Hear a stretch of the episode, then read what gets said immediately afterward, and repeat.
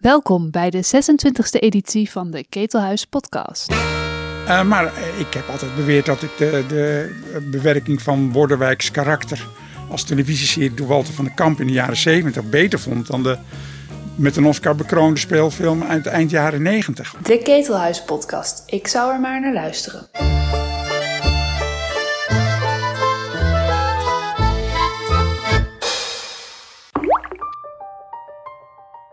Het is weer tijd voor de filmzolder van Berenkamp, waar actuele zaken in een historische context worden geplaatst.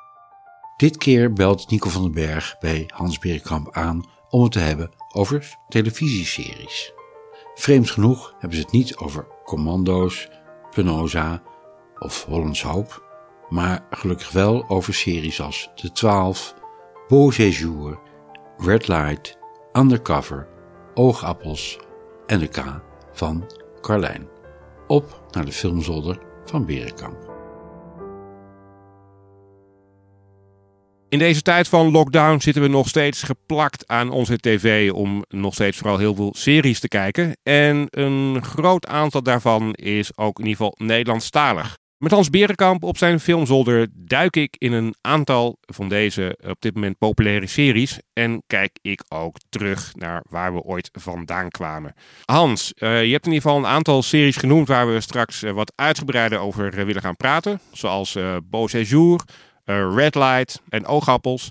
Maar voordat we daarin gaan duiken, misschien aardig om even wat context te geven. En te kijken naar waar de seriehost in het verleden ooit is begonnen misschien? Zijn we altijd al sterk geweest in series of was er een tijd ja, waarin het echt schrapen was voor kwaliteitsdrama op tv? Ja, in, de, in de literatuur over uh, televisiegeschiedenis wordt heel vaak gezegd dat uh, Twin Peaks van David Lynch in uh, eh, 1990 de eerste serieuze televisieserie was met een literair karakter en een arthouse karakter. En dat, ja, dat soort beschouwingen worden heel vaak geschreven door Amerikanen. En er is natuurlijk een enorm verschil wat uh, traditie van tv-series betreft tussen Amerika en Europa. Ik denk dat die uitspraak wel degelijk klopt als je naar de Verenigde Staten kijkt. Dat tot Twin Peaks eigenlijk tv-series niet zo heel serieus uh, genomen werden. Maar in Nederland en, en eigenlijk in, ook in Frankrijk en Engeland en, en Duitsland en Italië uh, is televisie uh, altijd in eerste instantie een publieke aangelegenheid geweest. En de publieke omroep die vonden het ook van belang om goede, uh, kwalitatief hoogwaardige tv-series te maken. Hè, we hadden in Nederland hadden we mensen als Willy van Hemert en Walter van der Kamp. Die verfilmden allerlei boeken van Couperus en streekromans. De Kleine Waarheid van Jan Mens met Willeke Alberti. Nou waren dat vaak een beetje stijve aangelegenheden. Uh, er zat nog niet heel veel schwung in. Uh, maar ik heb altijd beweerd dat ik de, de bewerking van Borderwijks karakter als televisieserie door Walter van den Kamp in de jaren 70 beter vond dan de met een Oscar bekroonde speelfilm uit eind jaren 90. Omdat hij ja, veel dichter ook bij de roman zat in zijn hoekigheid en in zijn, zijn, zijn uitgebeendheid. Dus eh, ja, die televisieseries in eh, Nederland, heb ik ook vanaf de jaren negentig heeft het wel een soort nieuwe eh, elan gekregen hoor. Dan had je dus bij nader inzien. Voskuil, verfilmd door Frans Wijs. Je had uh, Pleidooi, advocatenserie. Dat waren toch wel een soort, ja, was van een ander allooi dan de gemiddelde tv-serie tot dan toe. Mensen denken dan toch vaak aan, aan populaire dingen als De Fabriek en Medisch Centrum West. En ja, dit ging wel een nieuwe hoek om. Maar je zou misschien ook zelfs kunnen zeggen dat wat Twin Peaks was voor de VS, eh, dat bepaalde series, ook Leidooi, ook voor Nederland zo waren. Waren de series die, die we daarvoor zagen toch niet veel toneelmatiger misschien, qua opzet en qua stijl van acteren? Of is dat een, een, ja, een idee wat eigenlijk niet klopt op het moment dat je die series weer terug zou zien nu? Nou, kijk, wat je er vooral in terugziet is uh, het karakter van de publieke omroep in Nederland, die heel erg verzuild was. de KRO gaf bijvoorbeeld opdracht om uh, een, een, een, serie te maken over een dorpspastoor. Uh, de NCRV maakte dan het wassende water, want dat speelde zich af in een christelijke polder. Ook had die publieke omroep dus heel erg de neiging om de scherpe kantjes er een beetje af te veilen. Er zat weinig seks, of eigenlijk geen seks in. Er zat heel weinig geweld in. Het moest altijd keurig zijn en stichtelijk. En ja, het had ook wel het voordeel dat het daardoor dus niet echt plat was. Het, het, het, had ook wel een soort van standing en karakter, maar het was een beetje stijfjes en een beetje ja, publieke omroep oude stijlachtig.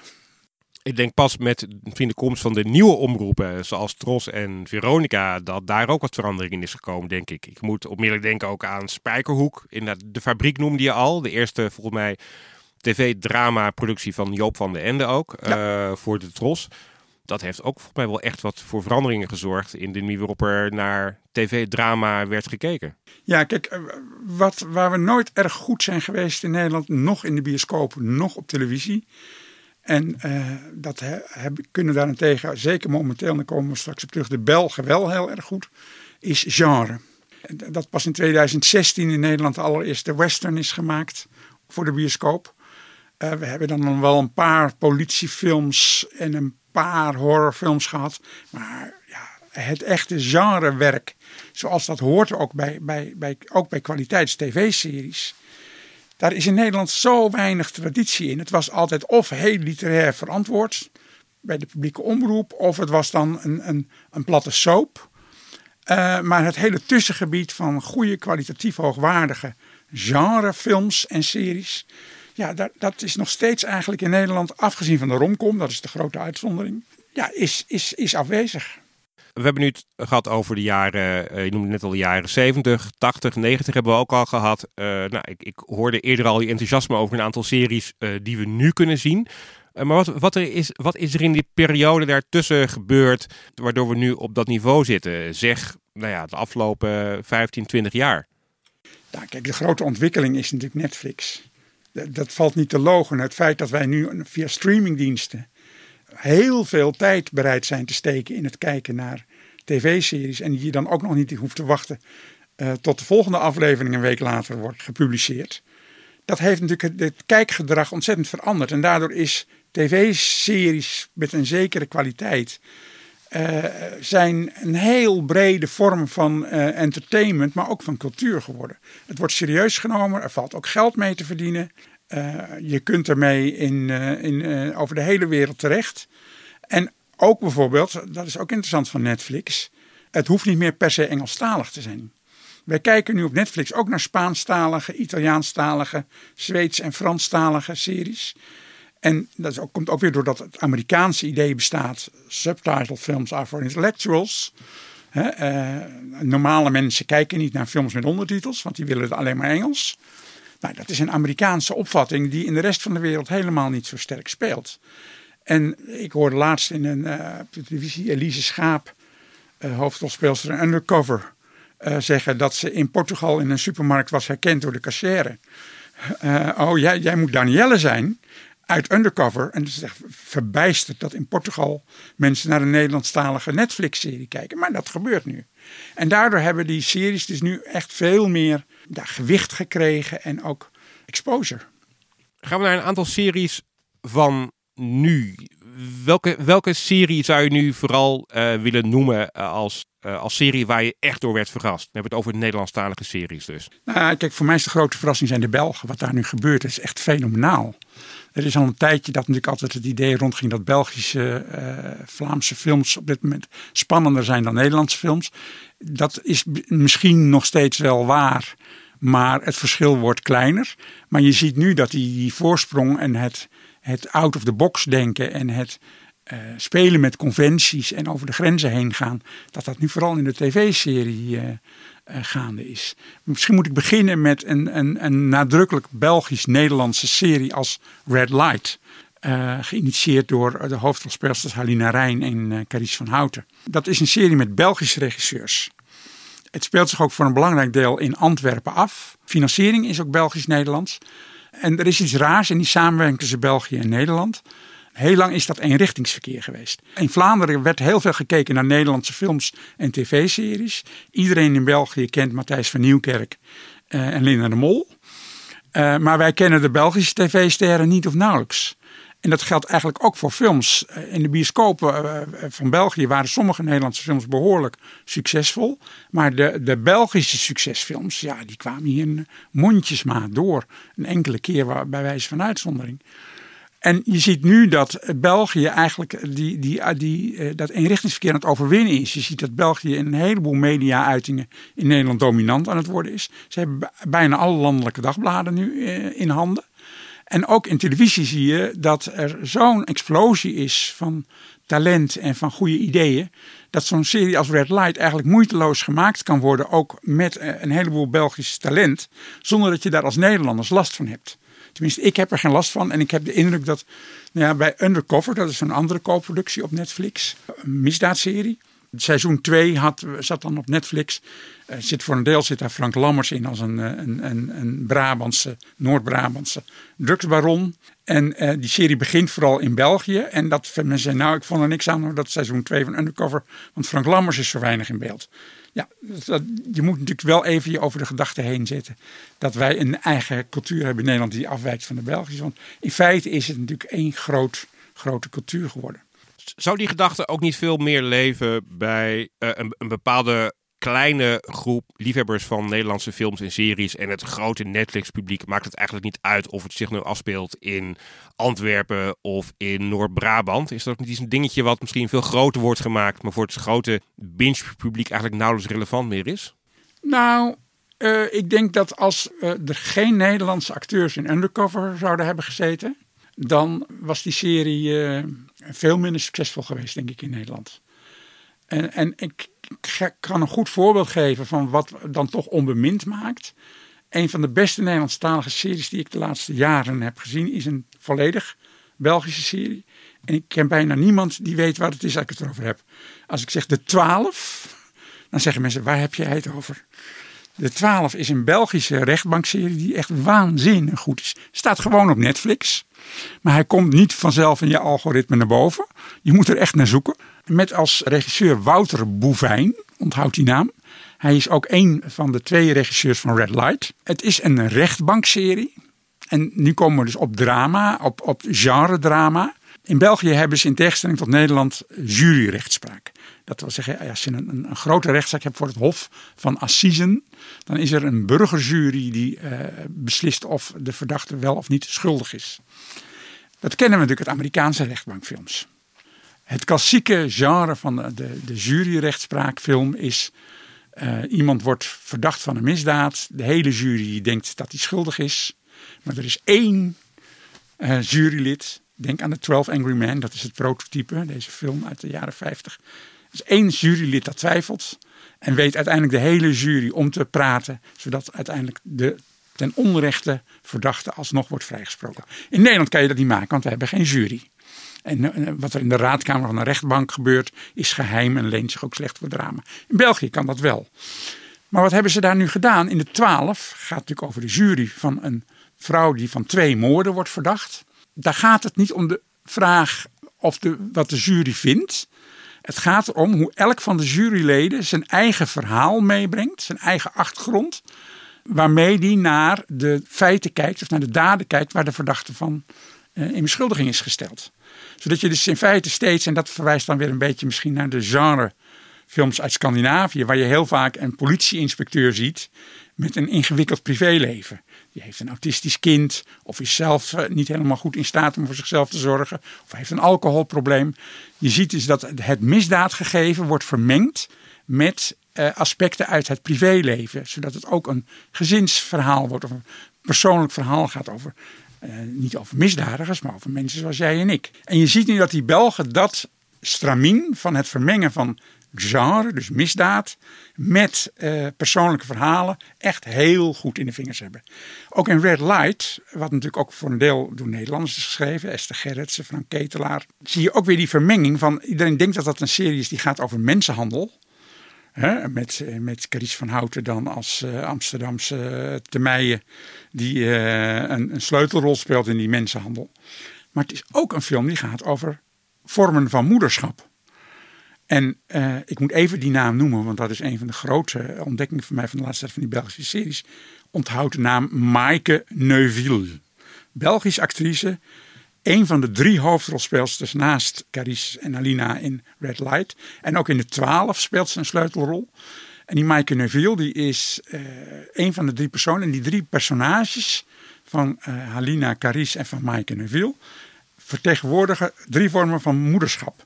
Maaike Neville is een politieinspecteur die kinderen heeft en daar eigenlijk het liefste vanaf zou willen. Want ze kan er totaal niet mee uit de voet en weet niet wat ze ermee moet. Halina speelt een vrouw die ontzettend graag kinderen zou willen krijgen, maar het lukt niet. En Carice is een vrouw die per ongeluk zwanger wordt uh, van een heel verkeerd soort man. En en passant dan even dat kind er ook nog tussendoor krijgt. En je ziet in allerlei bespiegelingen dat het gaat over mensenhandel. Het gaat over misdaad. Maar het gaat ook over moederschap. Wat natuurlijk in het licht van de tamelijk openbare bespiegelingen daarover van Halina Rijn en Carice van Houten ook met elkaar. Natuurlijk weer een hele nieuwe invalshoek geeft over uh, wat je in een genrefilm zo kan uit, een genre-serie kan uithalen. Welcome to the red light district. This way. Mijn man uh, is vermist. De Belgische en de Nederlandse politie vragen de aandacht voor een vermissing. Wij denken dat uw man een prostituee bezocht. Dit moet een misverstand zijn. Jij hoeft u niet te schamen voor wat uw man heeft gedaan. Hè? Moet ik u als handlanger of als slachtoffer beschouwen? Het is een meisje. Het is een meisje. Ik dacht echt dat het wel een goede gast was. Ik kan niemand vertrouwen. Wat wij twee hebben,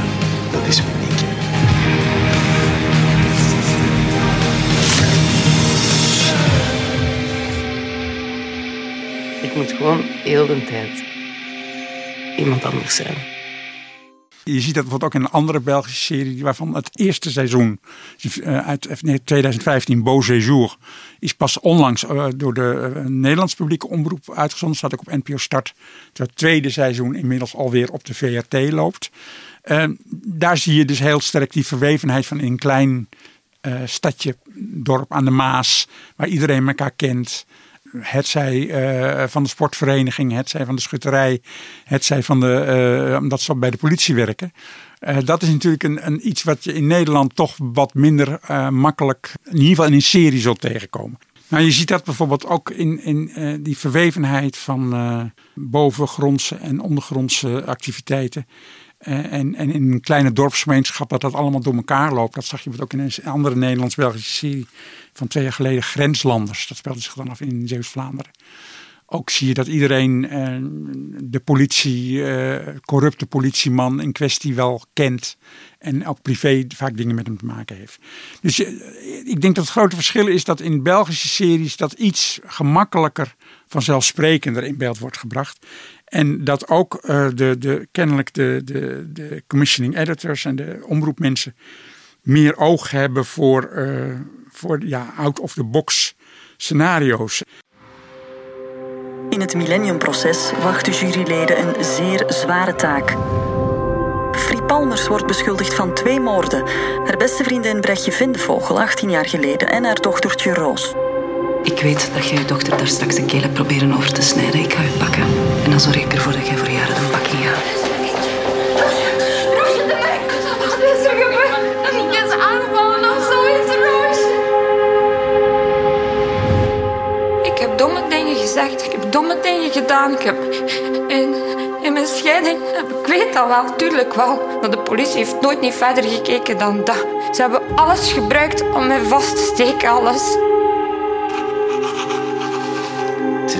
Jury? Ik kan over elk jurylid een verhaal vertellen. Holly Keusters.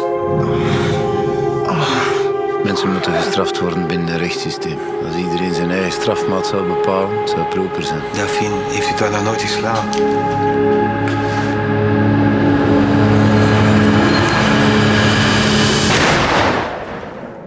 Beau Séjour is een serie waarin een, uh, een, een dode haar eigen moord oplost. Ja, misschien moeten we, want we hebben net een aantal series inderdaad even belicht. Maar zal ook niet bij iedereen bekend zijn. Inderdaad, op dit moment ook uh, te zien op, op NPO Start. In een aantal landen ook op Netflix te zien of te zien geweest. Dus even in, in het kort ook de achtergrond van Séjour uh, schetsen. Ja, het is een, het is een heel gewaagd gegeven. De, de hoofdpersoon is een, is, een, is een jong meisje. Gespeeld door ook weer zo'n interessante actrice, Lynn van Rooyen. Die aan het begin van de eerste aflevering vermoord wordt. Vervolgens zie je haar opstaan. En uh, zij is een geest geworden. En is dan vervolgens de hoofdpersoon van de serie. kan door sommige mensen uit haar omgeving nog wel gezien worden en anderen niet. En gaat dan proberen erachter te komen wie haar vermoord heeft. Nou, dit is een buitengewoon uh, een ongebruikelijk uitgangspunt. En ja, je kunt je voorstellen dat sommige mensen zeggen, ja, dit trek ik niet. dit vind ik zo'n rare gedachte. Ja, het is een genre grapje met enorme dramatische mogelijkheden. En ik vind het heel goed werken. Het interessante is dat zowel bij Beau Séjour als bij Undercover komen allebei van hetzelfde productiehuis. De Mensen, ook een, een, een Vlaams productiehuis. Mm, ja, die blijkbaar echt een toverformule te pakken heeft als het gaat om dit soort, uh, om dit soort series. Ja, ik kom er steeds de namen tegen als creators van Sanne Nuyens en Bert van Daal. Dat zal dan De Mensen zijn. Uh, ja, ik ken ze allemaal niet. Dat is het grappige. Het gaat voor ons ook, omdat wij natuurlijk altijd alleen de Belgen wel naar ons hebben gekeken en wij niet naar de Belgen, gaan er nu hele werelden open ik kom allemaal nu namen tegen van, van uh, schrijvers, van uh, regisseurs en van acteurs en actrices. Je krijgt een idee van, god, die mensen, die, wil, ik, wil ik wel meer zien. En ik, ik ben voor het laatst op de VRT, zag ik toevallig dat er een, een film werd uitgezonden met dezelfde regisseursduo. Nathalie Bastijns en Kaat Beels zijn twee dames die samen films en series regisseren. Ze hebben het eerste seizoen van Beau Séjour geregisseerd. En ze hadden ook een speelfilm gemaakt, Façades die ik ontzettend aardig vond. Een soort psychologisch drama. In Nederland natuurlijk niet in de bioscoop geweest. Is ook niet op Netflix te zien. Dat was ook weer heel goed. En dan zag ik weer allemaal acteurs die ik weer uit die series kende. Dus het, het is voor mij een soort, begint een soort lol te worden van ontdek je eigen favoriete Belgische acteur. Hou ik nou meer van Rut of van Wim Willaert? Het, het is, ik vind het ontzettend spannend. Terwijl als we kijken naar Nederland, de echte Nederlandse uh, series, dan komen we toch uit bij ja, wat je dan serieuze sitcom misschien zou kunnen noemen. De K van Carlijn noem je ook nog als een serie waar we het over kunnen hebben. Oogappels onder andere. Waarbij allebei ook de naam van Wil Koopman als een soort van rode draad daartussen hangt. Kan je iets zeggen over waarom dit soort series dan blijkbaar wel worden gemaakt en aanslaan in Nederland? Kijk, in Nederland is, is heel veel uh, succesvolle series zijn inderdaad meer of minder intelligente sitcoms. En ja, die term sitcom, daar moet je natuurlijk die moet je met een korrel zout nemen. Een, een, echte pure sitcom is 25 minuten met een lachorgel. Wordt bepaald wanneer je moet lachen. En het zijn situaties met steeds dezelfde personages die terugkeren. Een serie als Oogappels, laat ik die dan even mee beginnen. Want dat is een, iets wat, uh, waarvan nu het derde seizoen al te zien is. En wat buitengewoon succesvol is komt uit de, stal van Talpa Fictie. Dat is de, de fictieafdeling van John de Mol. Wordt geleid door Wil Koopman. Dat is ook degene die Gooise Vrouwen heeft geregisseerd en geproduceerd. En Wil Koopman is eh, in haar eentje, denk ik nu toch wel de, meest de koningin van de Nederlandse series. Waarbij uh, zij het liefste uh, niet zozeer genre maakt. Geen misdaadseries, geen horrorseries, maar situaties over gewone mensen van nu in eh, iets minder gewone situaties. Oogappels is een serie over pubers en hun ouders. In die volgorde. In een soort van Vinexwijk in, in Amersfoort. Een van de redenen dat het zo buitengewoon succesvol is, niet alleen dat het heel goed is geschreven uh, en gespeeld, uh, maar ook dat het zeer herkenbaar is. En, en, wat ik een buitengewoon grappig toeval vind, is dat de co-regisseur naast Wil Koopman is Sip Wertwijn haar zoon. Uh, en het is ook heel bijzonder dat een serie over ouders en kinderen wordt geregisseerd voor een groot deel door een moeder en haar zoon. Die dus kennelijk dit uh, misschien ook wel zelf hebben meegemaakt, in ieder geval te boven zijn gekomen. Het zijn intelligente series voor een heel breed publiek. En kennelijk is dat in Nederland nu uh, waar, waar wij het beste in zijn, is in dit soort gewone mensenseries. Waarbij je toch talpa moet nageven Talpa Fictie is natuurlijk begonnen uh, tijdens het korte bestaan van de zender van John de Mol, die Talpa slash 10 heette. Waar iedereen toen ontzettend uh, op neerkeek. Maar ik heb toen al uh, bij herhaling beweerd dat hun dramaproductie buitengewoon interessant was. En dat daar allerlei kiemen werden gelegd voor, voor een nieuwe traditie. Daar was bijvoorbeeld Diederik van Rooyen, had daar een polities misdaadserie Parels en Zwijnen die heel interessant was en waarvan je kan zeggen dat daar een directe lijn van is gaan lopen naar dingen als Penosa. die daar dus zijn ontwikkeld. Dus dat, dat productiehuis Talpa als fictie vind ik heel interessant. Een andere serie die uh, Wil Koopman heeft uh, ontwikkeld uh, is voor Net 5. de K van Carlijn. Met een hele mooie rol van uh, Tjitske Reidinga. Tjitske Reidinga, een van de Gooise vrouwen en ook ster uit de Talpa Stal.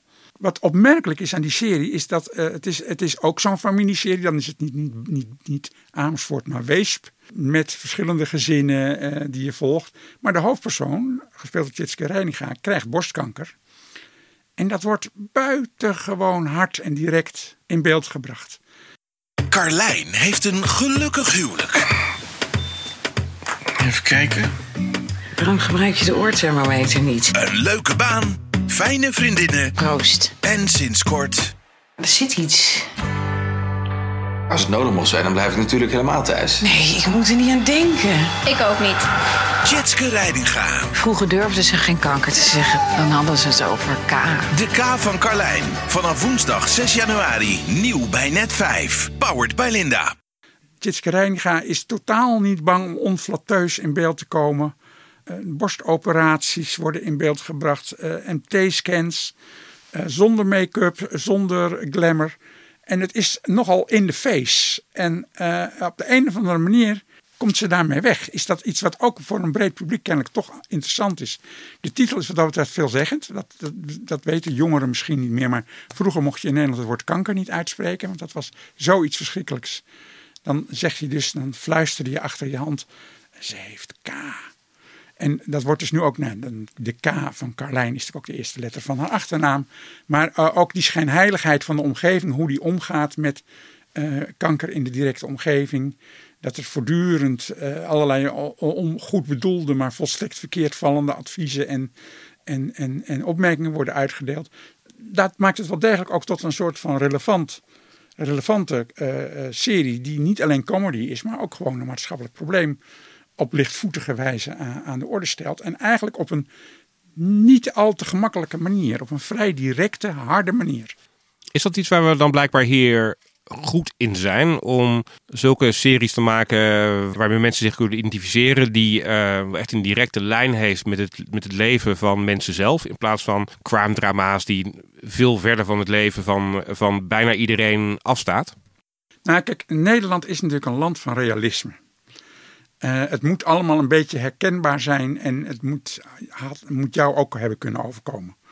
Zodra er iets van fantasy bij komt of uh, uh, levende doden die rondlopen of corrupte politiechefs, dan denk ik wel, ja, dat is buitenland. Dat, dat hebben wij hier niet. Doe maar gewoon, natuurlijk gek genoeg. En, dan is dat is ook wel logisch dat dan dat soort Talpa-drama van Wil Koopman, wat, wat ik heel goed vind hoor. Ik niet sterp tegen. Ik vind, ben er erg blij mee. Uh, maar ik mis dan toch die genrepoot die hier dan toch steeds weer opduikt in samenwerking met Belgen. Een andere recente serie waar ik heel enthousiast over was, ontwikkeld door uh, in eerste instantie uitstonden door de eigen kanalen van KPN. En nu staat het dan ook op Videoland, geloof ik, is Phoenix. was ook een Nederlands-Belgische co-productie. Ja, dat, daar staat ook weer die dubbelzinnigheid in van uh, en misdaad en psychologische problematiek en een snuifje uh, om verklaarbaarheid. Uh, ik denk, ja, daar zouden we ons toch iets meer ook in kunnen oefenen met hulp van de Belgen. Ja, want we hebben wel een serie gehad, Ares. Een Nederlandse productie voor Netflix van Pumpkin. Die een heel duidelijk horror karakter had. Maar waar volgens mij uh, de serie al heel snel verzandde in, in een soort van stroperigheid. Uh, en waarbij, uh, ja, waarbij totaal niet werd meegenomen. Ja, Ares was geen groot succes. vond ik ook niet. Hoewel ik moet zeggen dat ik de laatste aflevering dan wel weer heel goed vond. Maar voordat je daar was, ze hebben de meeste, waren de meeste mensen al lang afgehaakt. Wat ik interessant wel vond aan Ares is dat het probeerde, en dat, maar daarvoor moet je dan die laatste aflevering gezien hebben, om een soort verband te leggen tussen studentengenootschappen, het formeren van een elite die later het land zal besturen, waar allerlei complottheorieën over bestaan. Heel actueel, ook nu weer in Nederland. Hè? Dus macht en tegenmacht. De elite die elkaar voortdurend de bal toespeelt. En daar is een, dat is als uitgangspunt genomen dan voor een soort, niet voor een feutenachtige serie waarin het vooral gaat over uh, het geweld en de seks, maar echt over hoe werkt dan zo'n geheim genootschap, dat elkaar altijd trouw blijft. Het is een interessante poging, maar helaas niet gelukt. Maar die kant zou er wel op moeten blijven denken. Probeer ook bijvoorbeeld politieke ontwikkelingen nou eens in een genrecontext uh, te plaatsen. Uh, is Rutte een vampier? Um, is natuurlijk allemaal onzin, maar je, in Nederland zou er geen omroep zijn die zo'n serie bijvoorbeeld zou, uh, zou durven financieren. Denk je dan, schoenmaker, blijf maar bij je leest en laten we dit soort genres maar aan de Belgen over? Of zou je willen dat er uh, toch in Nederland uh, een soort van genrecultuur ontstaat, waarbij ook uh, makers die die kant op willen gaan wat meer de ruimte krijgen? Dat laatste, en dan zou ik zeggen, laten we gewoon nog meer gaan samenwerken met die Belgen. Want het, het, het, ik, ik, ik vind wel een grappig dat ik hoor minder Belgen moppen en, en, en, en, en van die, die, die minachtende, uh, natuurlijk onbedoeld grappig. Je moet het niet serieus nemen, we bedoelen er niks mee, maar intussen. Uh, België is echt, uh, heeft zich geëmancipeerd, ook in de ogen van Nederlanders, tot een minstens gelijkwaardige partner als het gaat over film en drama en series en kranten. Laten we daar vooral mee samenwerken en ervan leren hoe, hoe het ook kan. We hebben het flink over series zelf gehad, maar wat minstens zo belangrijk is, zijn natuurlijk de platforms waarop ze te zien zijn. Uh, we hebben het al Netflix genoemd, we hebben NPO Start genoemd. Maar ja, wat ook van deze tijd is, is het heen en weer slepen van series of content met een modern woord. Ja, daar kom je curieuze, in, in mijn ogen curieuze dingen tegen als de K van Carlijn.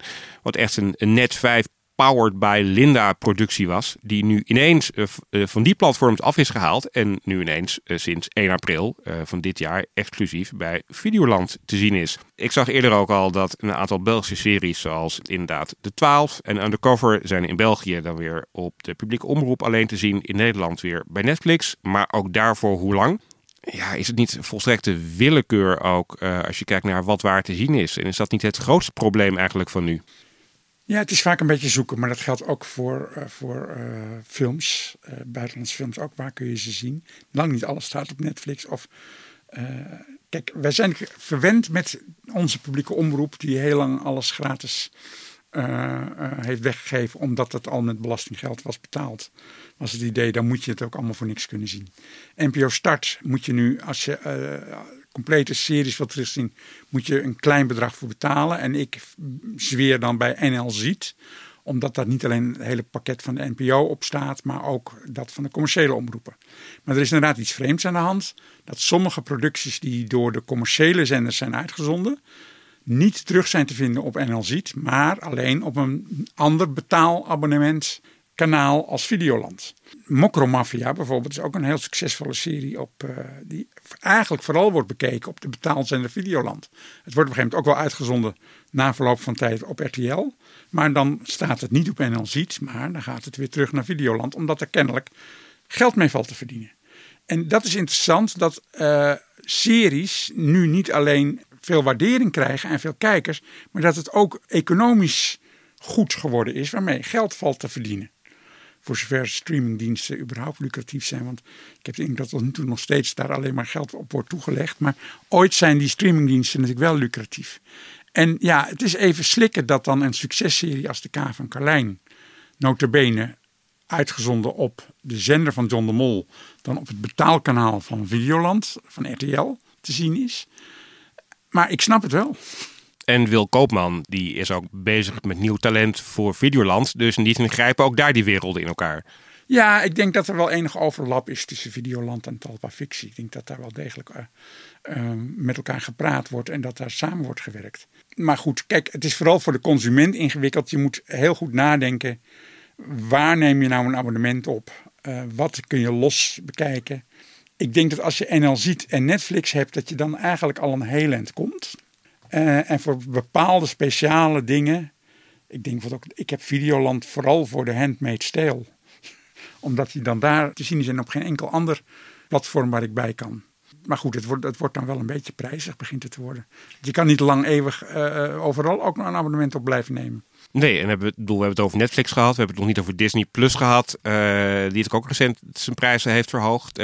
HBO eh, Max komt later dit jaar naar Europa toe. Dan wordt het inderdaad wel heel lastig waar je allemaal een abonnement op moet hebben. Een hele kostbare die zaak. Die slag gaan we de komende tijd krijgen. De slag om de consument. Ik heb Disney Plus na een maand proefabonnement afgegooid. Want ik had de Disney tekenfilms die ik nog nooit gezien had, had ik ingehaald. En de rest van de, de zooi had ik eigenlijk niet zoveel belangstelling voor. Ja, je hebt misschien Soul nog gezien van Pixar en daarna, dat was het dan. Daarna, dan is het alweer op. Dus ja, het is ook een beetje van waar, waar ligt je belangstelling? Ik, ja, ik, ik ben dan dol op Mubi, maar dat zou ik lang niet iedereen aanraden dat is dan toch echt weer voor de diehard cinefiel. Ja, dus het probleem waar we eigenlijk met films tegenaan lopen, daar hebben we nu ook met, met series mee te maken. Ja. Blijkbaar maakt het ook niet uit waar het oorspronkelijk voor is gemaakt, als het maar ergens een keer te zien is uh, na uh, tig onderhandelingen en, en heen en weer gesjouw. Nou kijk, wat ik vooral belangrijk vind bij series is dat je het moet kunnen bingen. Komt nog wel eens voor, en de laatste tijd weer iets vaker dan een tijdje geleden, dat toch weer per week er een aflevering wordt geplaatst. Ik heb nu met mezelf afgesproken dat ik dan wacht tot ze er allemaal op staan en dan ga ik pas kijken. Goed dat je erover begint, want eh, Netflix is natuurlijk eh, bekend om het feit dat ze alles in één keer erop gooien. Maar omdat andere streamingdiensten toch wat vaker uh, niet, dat model niet toepassen, zie je ook bij Netflix af en toe voorkomen dat ze niet alles in één keer erop gooien. Maar dat ze, net, ja. Precies, ja. Maar daar, daar zou jij dus niet gelukkig mee, uh, nee, vreselijk. mee zijn. Het is een beetje het, een beetje het oude idee van elke week uh, op de tv dan weer wachten op een volgende aflevering. En dan lekker met elkaar twitteren over uh, wat, wat, is er net gebeurd in Snowpiercer. Ja, ja precies. ja, nee, maar dat, dat, dat, die, ik vind dat echt een stap terug in de menselijke beschaving.